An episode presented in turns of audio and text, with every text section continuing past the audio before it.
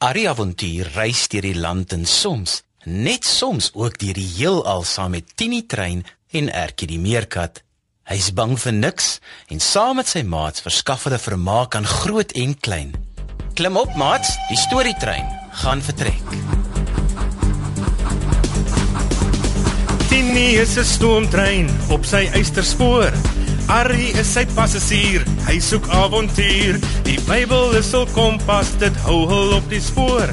Van alles wat met jou gebeur, kan jy by hulle hoor. Ertjie is 'n maatjie, 'n meerkat van die veld. Karosie is 'n stoute aap, hy doen gewone kwaad. Ertjie en Karosie en Arrie ook daarbey. Is almal net so spesiaal, so spesiaal soos jy. Kom nou maat skuif nader, luister bietjie daar. Is dit dalk die Tini trein wat ek daar gewaar?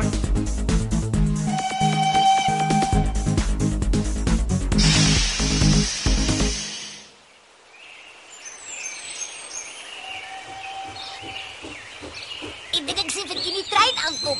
Jippie, dan hoef ek nou nie meer alleen te speel nie. Ja, ja, hier kom hulle nou.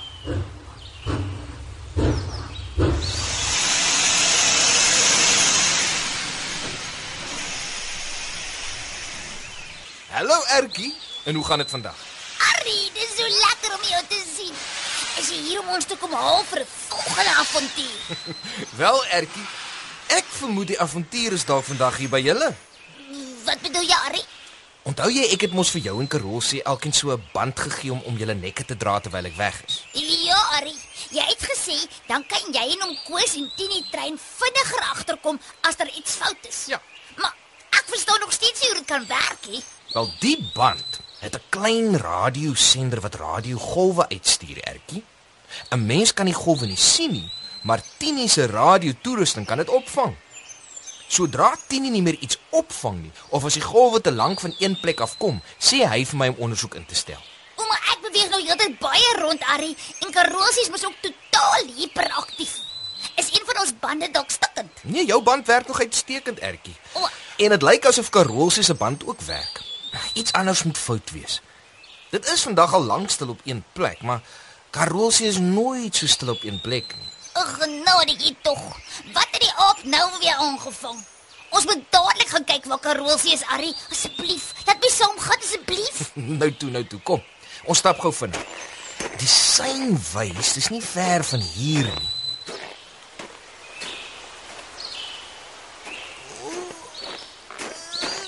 Karolsie, my ou maatjie, wat bekeer? Ertjie? Karolsie het deur 'n slang gepik. Karolsie? Karolsie, kan jy my hoor, Apie? Sê my, wanneer het die slang jou gepik? Weet jy watter soort slang dit was? O, nou net. O, o wees versigtig. O, dalk is die slang nog hier. Ons het hom seker verskrik. Watter soort slang was dit, Karolsie? O, dit uh, o, dit was 'n uh, dit was 'n kobra, Arrie.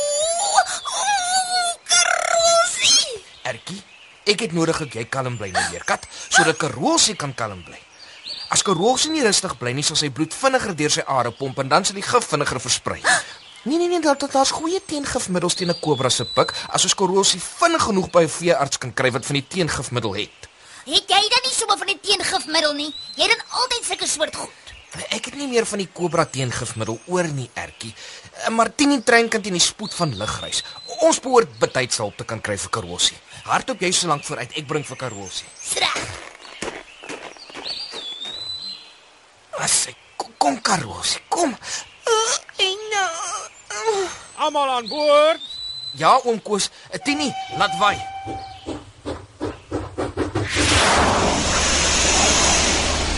Hoe vinnig is die spoed van lig, Arrie?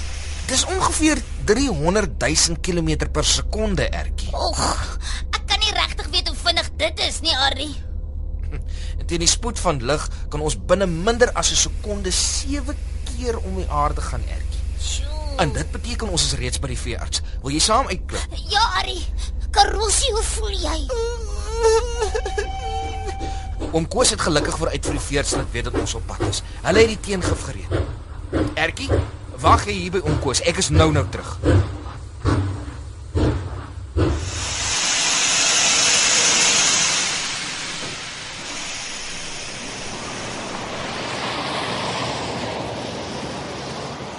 Ari?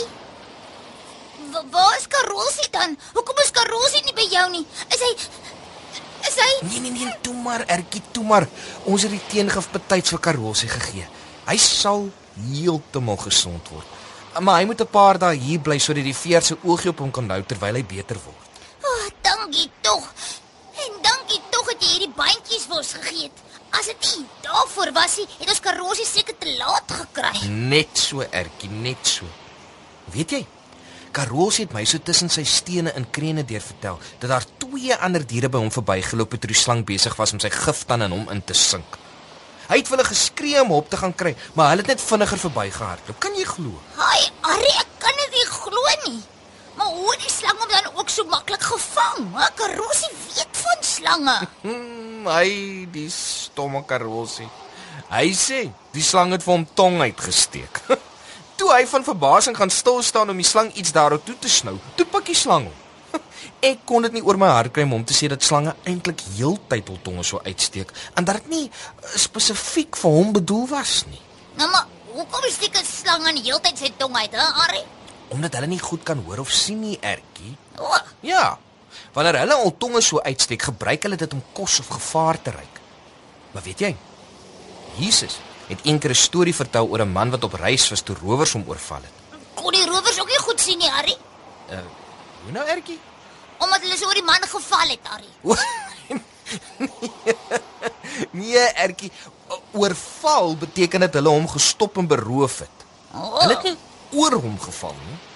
Hulle het al sy goed gesteel, selfs die klere aan sy lyf. Hulle het hom stikkend geslaan en hom net daar langs die pad in die warm son gelos om dood te gaan. nes daardie vieslike slang vir Karolsie gelos het. Net so. En die mense wat jy dink sou eers iemand anders help oor die soort werk wat hulle doen, het vinnig verbygeloop toe hulle hom sien. Hoekom dan, Arrie? Was hulle bang daar slange?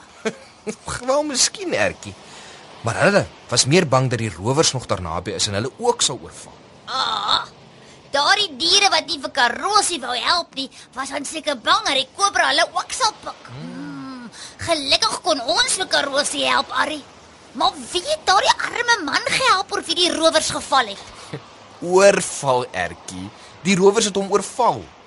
Iemand van 'n ander stam wat nie vriende was met die stam van die beseerde man nie het hom gehelp. Die mense wie ons hulp nodig het en die mense wie ons help, is nie altyd wie ons dink dit gaan wees nie. Almal aan boord. Nou toe, kom ons neem jou eers huis toe ertjie. Ek sou oor 'n paar dae weer vir Karolsie kom haal. Timmy is 'n stoomtrein op sy eysterspoor.